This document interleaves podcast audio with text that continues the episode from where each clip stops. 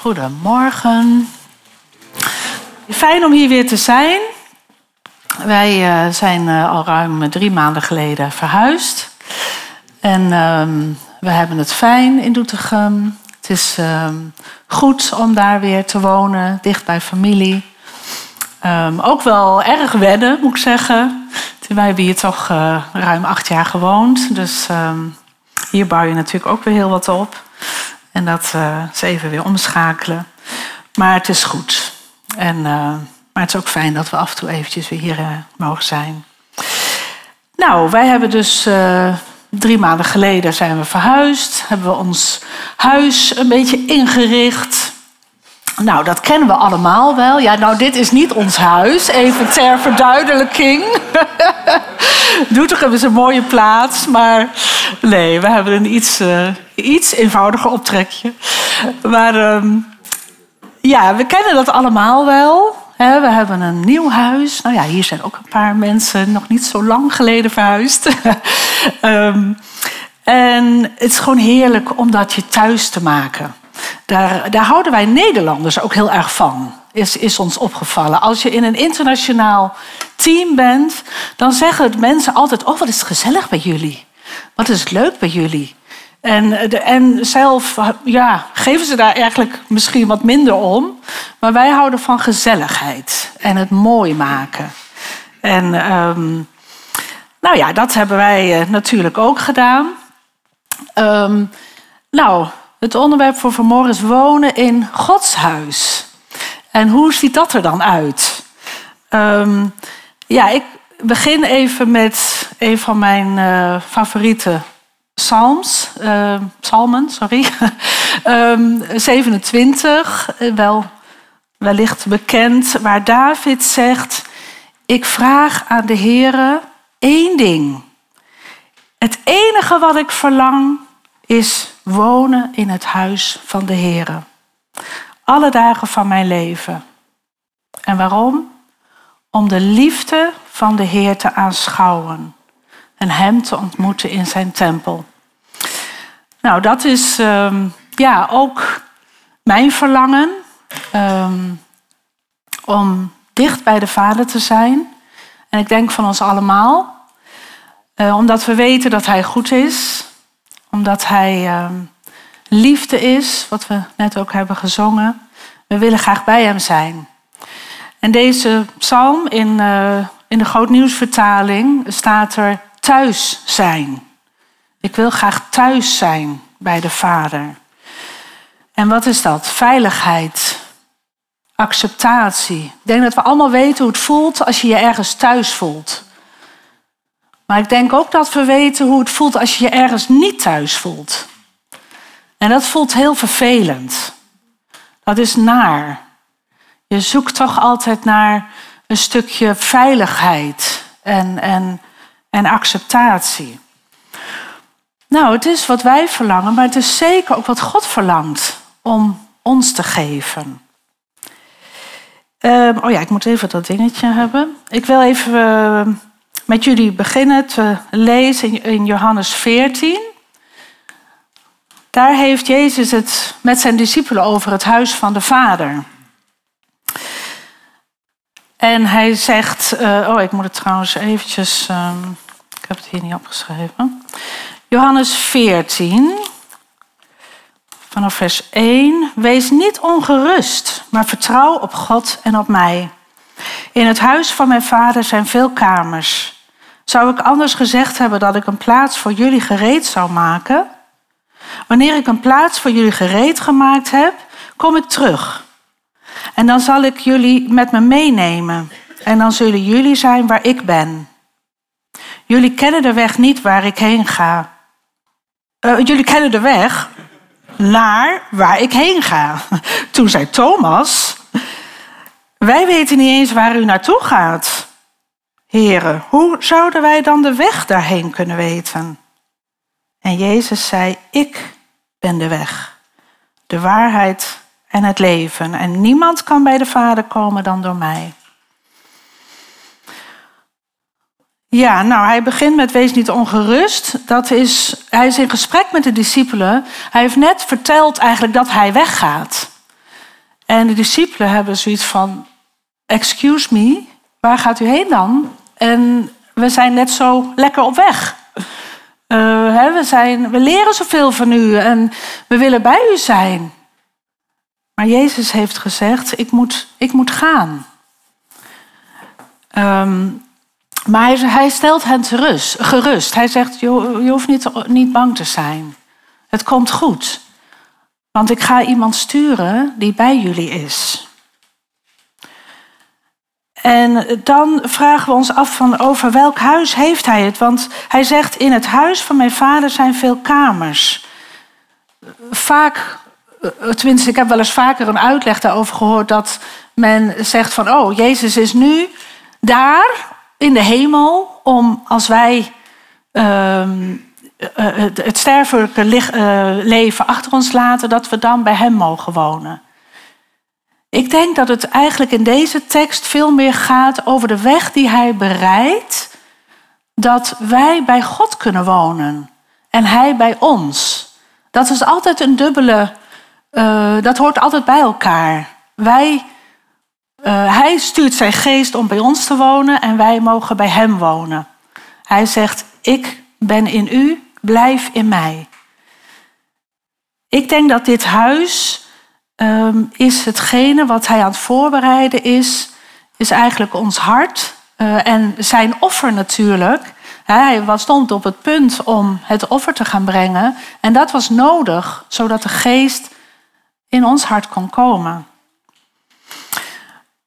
Dan, uh, nou ja, hij praat eigenlijk in heel Johannes heeft hij nog één andere keer dat hij over het huis van de Vader spreekt. En dat is in Johannes 2, als hij de tempel reinigt.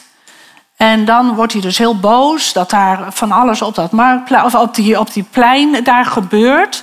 Uh, wat helemaal niet de bedoeling is in Gods huis. Um, en hij zegt dan van weg ermee. En dan zeggen de, de oudsten, die zeggen van op welke autoriteit doet u dit? En hij zegt van uh, vernietig deze tempel maar en in drie dagen bouw ik hem weer op. En dat, nou ja, waren ze helemaal uh, uh, verontwaardigd van hallo, het heeft 40 jaar geduurd en het, hoe kan dat nou ooit? Maar hij had het over, en dat schrijft Johannes er even voor het gemak bij, hij had het over de tempel van zijn lichaam. Dus de tempel die daar was, dat was de fysieke tempel. Daar woonde God natuurlijk. Dat was door de Joodse uh, van oudsher. Uh, daar woonde God.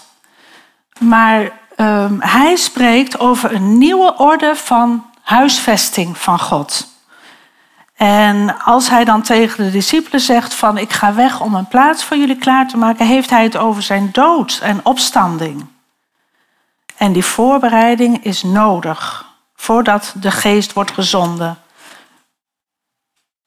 En dan zegt Jezus, en dat vind ik zo mooi, hij spreekt zijn verlangen uit.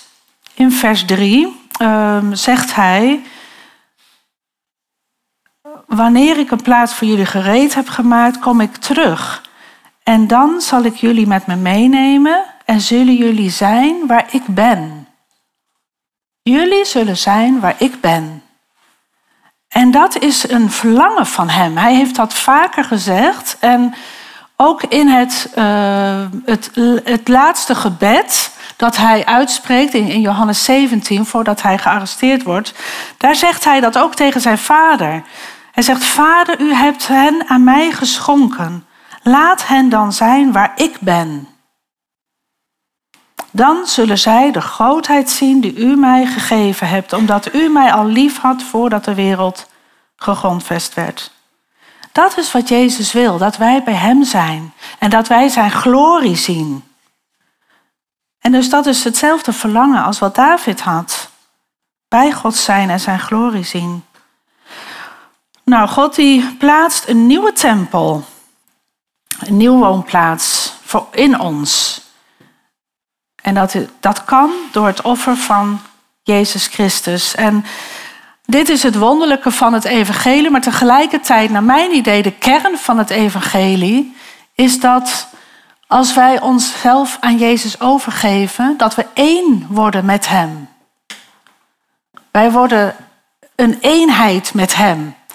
En dat stel ik me dan eh, net zo goed als, hè, de, de Bijbel geeft ook het huwelijk als voorbeeld daarin.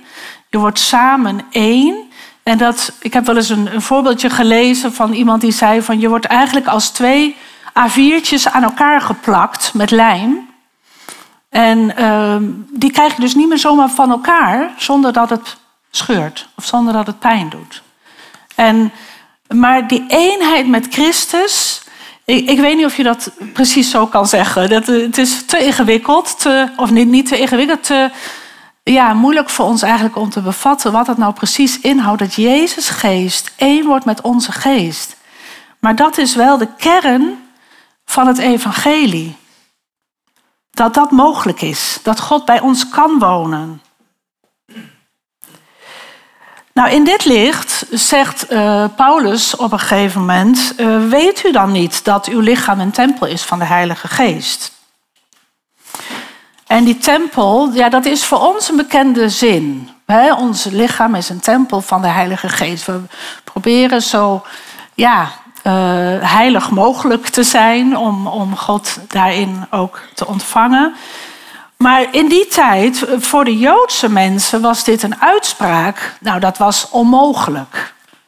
God kon onmogelijk in een zondig mens als ons wonen. Dat, dat was gewoon. Kijk, zij hebben die hele geschiedenis van um, hoe de, de, in eerste instantie de tabernakel werd gebouwd. Uh, dat was op zo'n manier dat um, die heiligheid, die, die werd zo ontzettend. Um, ja, kwam in alle aspecten voor. Dat was gewoon onmogelijk. Als mensen naar de woonplaats van God wilden gaan, dus dat was het heilige der heiligen, dat was maar één keer per jaar dat dat kon. En dat was een speciaal aangewezen persoon. Die moest zich wassen, die moest speciaal aangewezen kleding aandoen, die moest uh, dierenoffers brengen, die, uh, nou ja, allerlei dingen voordat hij binnen kon gaan in het huis van de Heer. Dus dat was voor hun een mindblowing iets. En dat is het in feite nog steeds. En wat ik graag vanmorgen wilde doen is um, die weg van uh, hoe wij bij God kunnen komen. Dat is heel mooi te zien eigenlijk in de tabernakel. En dat verhaal lezen we in Exodus 25. Daar zegt God eigenlijk voor het eerst. Um, uh, de Israëlieten moeten een heiligdom voor mij maken, zodat ik in hun midden kan wonen. Dat is eigenlijk wat, uh, wat God zegt. God wilde altijd bij de mens zijn, maar door de zondeval was dat natuurlijk heel, uh, ja, heel moeilijk geworden, omdat hij heilig is. En toch heeft hij een manier gevonden om bij de mens te zijn. En um, die tabernakel vind ik zelf gewoon een heel mooi beeld van hoe God ons ook nu wil leiden. Naar Hemzelf. Ik heb daar uh, een tijdje geleden een heel oud boekje over gelezen van Henk Binnendijk. Dus um, uh, ja, gewoon heel mooi. Heel mooi hoe God ons steeds verder uitnodigt om dichterbij te komen. Nou, ik wil eventjes gewoon een, uh, een klein stukje van die tabernakel. Um, er zit zo ontzettend veel in, dus het is niet allemaal te noemen. Maar um, als we eigenlijk beginnen bij de omheining. Stel je staat aan de buitenkant van, uh, van deze hele uh, nederzetting. En je begint te lopen eigenlijk op de, op de linkerpunt. En dan ga je zo helemaal eromheen. Dan loop je ongeveer 150 meter loop je langs een wit doek. Je ziet alleen maar een wit doek. En je, kan er niet overheen kijken. En dat witte linnen, dat staat eigenlijk voor de zuiverheid van God en de heiligheid van God. Hij kan niet, uh, of je kan daar eigenlijk niet zomaar heen. En je, je denkt van nou, ik, uh, ik kan hier helemaal niet bij komen. En dan loop je er eigenlijk omheen. En dan in die laatste kant zie je ineens een poort. En je denkt, ik kan er wel heen. Ik dacht, dit is niet voor mij, maar ik kan er wel heen. Ik zie de poort. Die poort die was uh, gemaakt uit uh, verschillende kleuren. Je had uh, blauw, paars, rood en wit. En die staan allemaal voor wat Jezus is. Hij is hemels, dat is blauw. Hij is een koning, dat is paars. Het is rood, dat is zijn, zijn bloed. En het wit is zijn heiligheid. Dus de poort verwijst door zijn kleuren naar Jezus. En het is natuurlijk, kijk, wij staan nu aan de kant van, wij weten wat er allemaal is gebeurd. In die tijd wisten ze dat natuurlijk niet, maar dit was zo'n heenwijzing naar Gods verlossingsplan. Jezus zegt, ik ben de deur. Wanneer iemand door mij binnenkomt, zal hij gered worden. En we zien ook dat hij in de Bijbel dat die poort een nauw kan zijn.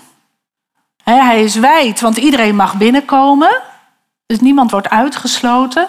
En aan de andere kant is nauw, omdat niet iedereen eigenlijk wil binnenkomen. Want het heeft wel consequenties. Als je namelijk door die poort gaat, dan stap je Gods wereld binnen. En daar is, dat is eigenlijk stap je een soort grens over.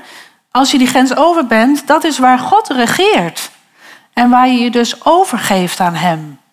En waar je onder Zijn heerschappij valt. En dat is de reden waarom niet iedereen altijd zomaar door die poort stapt. Mensen willen soms misschien liever, bij liever aan de buitenkant blijven, waar ze zelf regie hebben over hun leven. Er zijn ook mensen die denken dat, het, dat ze niet goed genoeg zijn om naar binnen te gaan.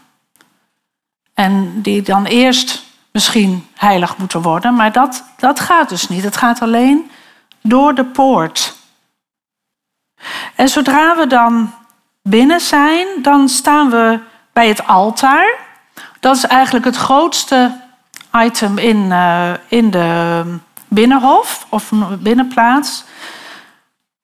En dat staat, ja, natuurlijk voor het offer van Jezus. Er werden in die tijd, in, in Exodus eh, zijn er, eh, worden er vijf verschillende offers beschreven. En dat heeft allerlei andere omstandigheden dat die gebracht moesten worden. Maar allemaal wijzen ze naar de Heer Jezus. De Heer Jezus is het offer um, voor iedereen en voor altijd. Het is belangrijk om stil te staan bij het offer, bij het altaar. Accepteren wij Gods offer, Jezus offer voor ons. Het is wel zo dat Jezus, hij stierf niet alleen en stond op om onze zonden te vergeven. Het is heel makkelijk toch om dat buiten jezelf te houden. Maar door zijn dood, ehm, als wij onszelf aan God overgeven, sterven wij ook. Onze dood, zijn dood is onze dood. En zijn opstanding is ons nieuwe leven. Het is niet zo van, oh, nou, dit is een historisch gegeven en we geloven dat Hij onze zonde heeft vergeven. We hebben een nieuwe natuur gekregen. En dat is dat samengaan van Christus met onze geest, die nieuwe natuur. En ik ben er de laatste tijd heel veel mee bezig en denk, wauw, beseffen wij dat wij Jezus in ons hebben. Zijn kracht, zijn liefde, zijn wijsheid. Het wordt weliswaar misschien nog beperkt door wie wij zijn, door onze zonde. Maar al die kracht, al die wijsheid zit allemaal in ons. Omdat Jezus in ons zit. Een nieuwe natuur. En dit is ook zo belangrijk dat we dit echt als basis hebben voor ons christenleven. Dat we niet op onze oude natuur een paar christenregels leggen. Maar dat we die nieuwe natuur door ons heen laten werken. Dus dat is het altaar. Dan zijn we bij het wasbekken. En uh, kijk, dat is die theorie dat uh, Jezus is voor ons gestorven, we zijn geen zondaars meer. Maar in de praktijk is het dus wel zo dat we nog steeds zondigen. We worden steeds weer soort van besmet met de wereld en met de gebroken wereld en ook met onze eigen ja, zonden. En het duurt best lang voordat we ons daarvan los kunnen maken. Maar die priesters bijvoorbeeld, die moesten dus iedere dag zich wassen in dat wasbekken. Die moesten ook hun handen en hun voeten wassen voordat ze naar binnen gingen. En dat moeten wij ook doen. En hoe doen we dat? Uh, dat vond ik ook wel een mooi uh, iets wat uh, Henk Binnendijk in dat boekje schreef. Dat dat wasbekken, dat was gemaakt van brons en daar zat water in. En als je in een bronzen bak kijkt met water, dan is het net een spiegel. Dus je kunt jezelf zien. En dat is eigenlijk wat Gods woord voor ons is. Gods woord is een spiegel voor ons. Wij mogen iedere dag daarin kijken. En dat is ook hoe we uh, ja, onszelf wassen. Ik, ik, zou niet zeggen door uh, als we maar hebben gelezen, dan zijn we schoon. Dat niet. Maar de dingen die in de Bijbel staan, die, die wassen ons schoon. Die laten ons zien waar vuiligheden zitten nog. Nou, zijn we vergeven en gereinigd. En heel vaak laten christenen het hierbij. Die blijven op die voorhof. En he, we zijn door die poort gegaan, we hebben vergeving, we zijn gereinigd. Nou ja, een ongoing iets natuurlijk. We kunnen daar eigenlijk wel altijd blijven. Maar dat is wat Jezus zegt. Ik wil dat jullie zijn waar ik ben. En Jezus is niet op de voorhof blijven hangen. Die is waar God woont. En wij mogen daar ook heen gaan. Door de Heilige Geest in ons nodigt Hij ons uit om binnen te komen. Kom binnen. Voel je thuis bij mij. En ik denk dat dat belangrijk is, dat we ons realiseren van waar bevinden we ons? Staan we op de voorhof? Zijn we eigenlijk een soort van tevreden met um, we zijn vergeven en we leven ons leven zo goed mogelijk? Of hebben we verlangen om dichter bij God te komen? Iedere keer weer. Ja, en dat is het rare, want Jezus zegt dus tegen de discipelen: Het is beter voor jullie als ik wegga. Nou ja, dat is natuurlijk heel raar. De, de discipelen hadden zoiets van: nee, dat is helemaal niet beter. We willen dat u blijft. Maar Jezus doelt erop dat een ieder van ons dus dicht bij de Vader kunnen komen. Door die Heilige Geest en door die plaats die Jezus voor ons heeft bereid. Nou, dan gaan we nog even weer verder. En dan komen we dus, staan we voor het voor de ingang van de tent. Het gordijn, ook die is weer gemaakt in diezelfde kleuren. En um, daar, mogen, nou, mochten de priesters dan, die moesten daar in ieder geval twee keer per dag heen. Want die moesten die lampen aanhouden en de, nou ja, die broden moesten dan um, ververst worden en zo. Maar ook hier is dus Jezus de deur. En als we dan binnen gaan, dan uh, zien we eigenlijk drie items. De links is de kandelaar. En rechts is eh, de tafel met de broden. En aan het midden staat het reukofferaltaar. En deze ruimte is eigenlijk. Alles in deze ruimte is bedoeld om God eer te geven. En daar zijn we, daar zijn we, daarvoor komen we binnen. Dat we God eer mogen geven. En die kandelaar, ik, ja, ik vertel het gewoon even heel kort, want anders wordt het uh, te lang. Uh, die kandelaar, dat was gemaakt uit één stuk goud. Dus ik weet niet hoe die techniek werkt. Misschien weet iemand dat hier, maar dat wordt gedreven. schijnt het. Misschien, ja, ik, ik stel me dan voor dat dat op een of andere manier um, nou ja, geduwd wordt of wat dan ook. Ik weet het niet. Het zou misschien interessant zijn, maar het is in ieder geval uit één stuk. Dus er zijn geen dingetjes aangezet. En dit staat symbool voor de kerk, voor de eenheid in de kerk. En het doet eigenlijk denken aan de ranken waarvan Christus zegt, blijf in mij. Die ranken die moeten in Christus blijven. Allemaal uit één stuk. En wij zijn met elkaar één stuk. Um, op die lampen zaten, of op die, die kandelaar zaten dan ook uh, knoppen en bloesem en vruchten van de amandelboom gemaakt. En ja, dat staat, nou ja, tenminste zo zie ik dat dan. Uh, uh, in, in de gemeente, waar we allemaal één zijn door Jezus Christus, is het belangrijk dat we kunnen groeien.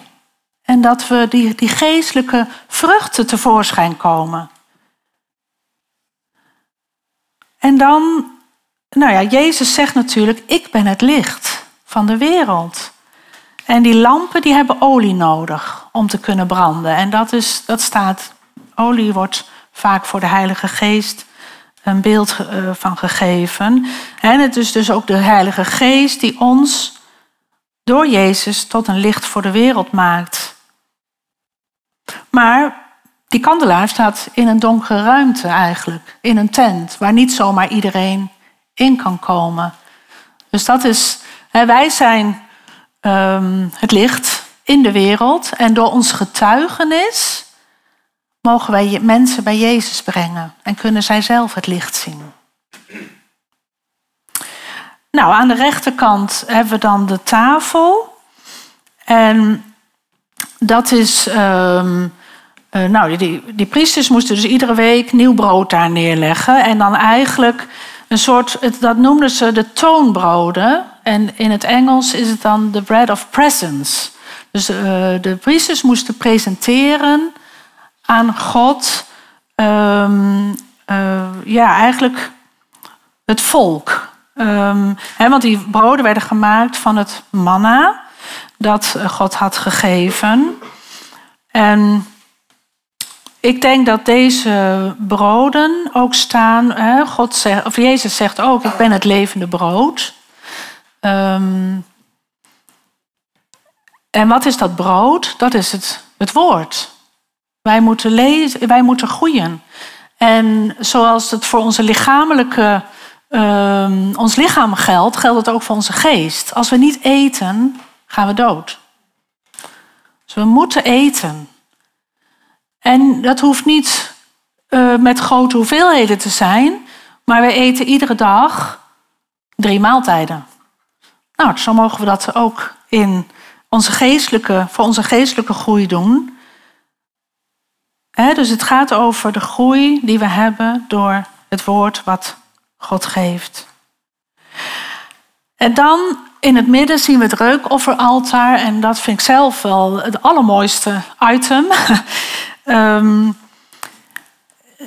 waar het, uh, het brandofferaltaar breed en, en, en vrij laag was en heel groot. Dus eerst het reukofferaltaar is smal en wat hoger. En daarmee zie ik tenminste een, een beeld van het, het brandofferaltaar is bedoeld voor de mens. er moet een offer gebracht worden. En daar staan we ook om te ontvangen. Het, het offer kunnen we alleen maar ontvangen. Kunnen wij niks aan doen. Maar dit, uh, het, het reukofferaltaar is gericht op God. Is uh, verticaal. En daar mogen wij geven. Het is weer om, om God eer te geven. En ik denk dat naarmate we meer groeien in volwassenheid in, als christen, dat de focus van ons christen zijn ook verandert. En in eerste instantie is het om vooral te ontvangen. We hebben genezing nodig, we hebben herstel nodig vanuit een gebroken wereld. We hebben um, hulp nodig, wijsheid nodig. Maar bij het reukofferaltaar gaat het erom wat wij geven aan God. En dat hopen we dat door steeds meer met God op te trekken, dat dat meer ons verlangen wordt om aan Hem te geven. Het gaat niet om ons, het gaat om de eer van God. En je zou zeggen, ja, wat kunnen wij dan geven? Wat, wat kunnen wij nou geven? Nou ja, de priesters moesten een, een speciaal soort uh, wierook, of ja, wierook, wat is het woord uh, in het Nederlands, maar um, uh, geuroffer brengen. En dat was een heel speciale combinatie van, van kruiden en oliën. En die mochten ze ook niet namaken voor ook maar iets anders. Dus je mocht er geen huisgeurtje van maken. voor je, je, eigen huis of, of een parfumetje. Dat was heilig voor God. Deze speciale combinatie van geuren. Het was een welgevallig offer voor God. Allerheiligst, staat er in de Bijbel. Nou, Paulus zegt daar wel iets over wat, wat wij dan kunnen geven. Hij zegt van, um, wij zijn de wierook die Christus brandt voor God. Zowel onder hen die worden gered als onder hen die verloren gaan. Dus het is niet iets wat wij kunnen brengen, maar wij zijn zelf het offer wat daarop gebrand wordt. Dus wij mogen ons leven aan Hem geven en dat zal als een aangename geur naar God opstijgen. Nou, dan komen we nog bij het laatste gordijn. Daar zie je hem met de gerubs erop. Dat is het, nou daarachter bevindt zich de woonplaats van God. En dat is hoe het in Exodus beschreven staat. God daalde in de, in de wolk neer in het heilige der heiligen. En um, we weten ook dat toen Jezus aan het kruis stierf, dat dat gordijn doormidden scheurde, van boven naar onder. Scheurde het door op het moment dat hij zijn geest overgaf. Dus dat geeft ons natuurlijk het ultieme beeld. De weg is open. De weg is open naar God. En Jezus die zegt, Wees volmaakt, zoals uw hemelse vader volmaakt is. Dat zegt hij in de bergreden. Nou ja, we weten allemaal dat we dat dus zelf niet kunnen bewerken. En eigenlijk wat in deze ruimte zich begeeft, is dus eigenlijk ons getuigenis, ons gevoed worden door het woord en ons, onze aanbidding aan God. Die drie dingen zijn eigenlijk de, de kern van onze eer aan God. Maar het is zo belangrijk dat we ook daarvan weten dat dat niet is wat ons perfect maakt. Ook deze dingen, ook al zouden we dit allemaal geweldig doen, ook al zouden we iedere dag, ik weet niet hoeveel in de Bijbel lezen en, en mediteren en bidden, en dit is niet wat ons die toegang tot Gods woonplaats brengt. En de Bijbel zegt daar ook van, die, die eerste tent, hè, dat zijn dus die disciplines van ons. Um, we kunnen niet naar de tweede tent zolang die eerste tent nog staat. En dat betekent eigenlijk, zolang we nog vertrouwen op ons eigen kunnen, op ons eigen um, het voor elkaar maken dat God ons accepteert, kunnen wij niet die woonplaats binnengaan. Het is puur en alleen op Jezus werk aan het kruis. Niets anders is er wat ons bij God kan brengen. Nou, dan in het heilige der heiligen, daar staat dan als enige voorwerp de ark met de verzoendeksel. En dat is eigenlijk de plaats waar wij de intieme relatie met God kunnen hebben. Um, God rust op die verzoendeksel en wij mogen samen met Hem daar rusten. En dat is het voltooide werk van Christus. Daar komen wij elkaar echt tegen. En daar mogen wij echt bij de Vader zijn. En kunnen wij alles aan Hem overgeven. En de Bijbel zegt ook, het is, we mogen vrij binnengaan hier en we zullen hulp ontvangen. Dat staat in Hebreeën uh, eh, 4. We zullen hulp ontvangen.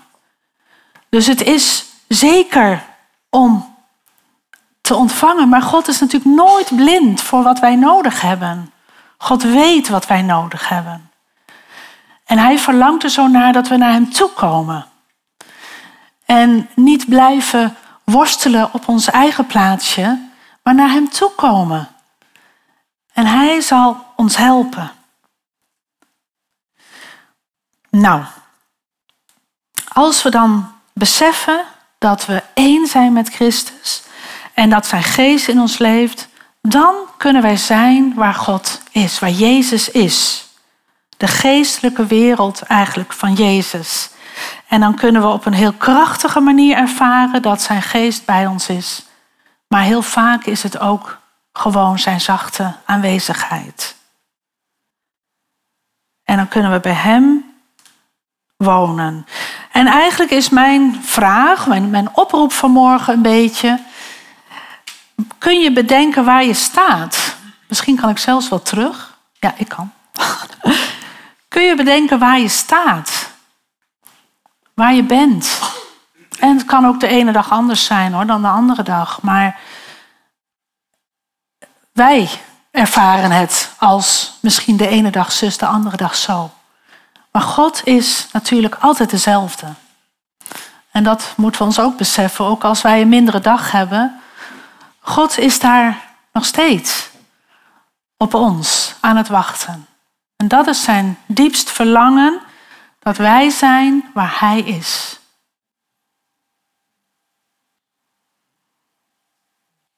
Van, van de week kregen we een. Uh, er wordt, komt zoveel binnen natuurlijk altijd, maar we kregen een, een devotion binnen van iemand. En die, daarin stond de vraag: hoeveel van de Christus die in mij leeft, komt vrij in het leven dat ik nu leef? Dat vond ik wel een, een mooie vraag. Ehm, hoeveel van jouw eenheid met Christus is zichtbaar in jouw leven? Nou, daar wilde ik jullie mee uh, achterlaten. Misschien mag ik nog voor jullie bidden. ja, lieve Heere Jezus, Heere, we kunnen niet anders dan ontzettend dankbaar zijn voor wie u bent en voor wat u heeft gedaan in ons leven. Heren, we willen ons aan u overgeven, zoals we ook hebben gezongen. Heren, dit is ons hart om ons aan u over te geven en bij u te komen. En we danken u zo, heren, dat we bij u thuis mogen zijn. Dat we ons thuis mogen voelen, geliefd en geaccepteerd en veilig. Dank u wel dat u ons die plaats biedt, heren, en dat het zelfs ja, in ons binnenste is. Dank u wel, Heere Jezus voor uw ja, eeuwige aanwezigheid. Diep in ons. Heren, mag dit ons samenbinden. Ook als we straks het avondmaal vieren. Heren, dat we één zijn door uw geest. Heren, mag, ja, mag er ook een getuigenis uitgaan vanuit die eenheid. U bent het licht van de wereld, Vader. En ja, we danken u daarvoor. Dat u dat door ons heen wil laten zien. Dank u wel. Amen.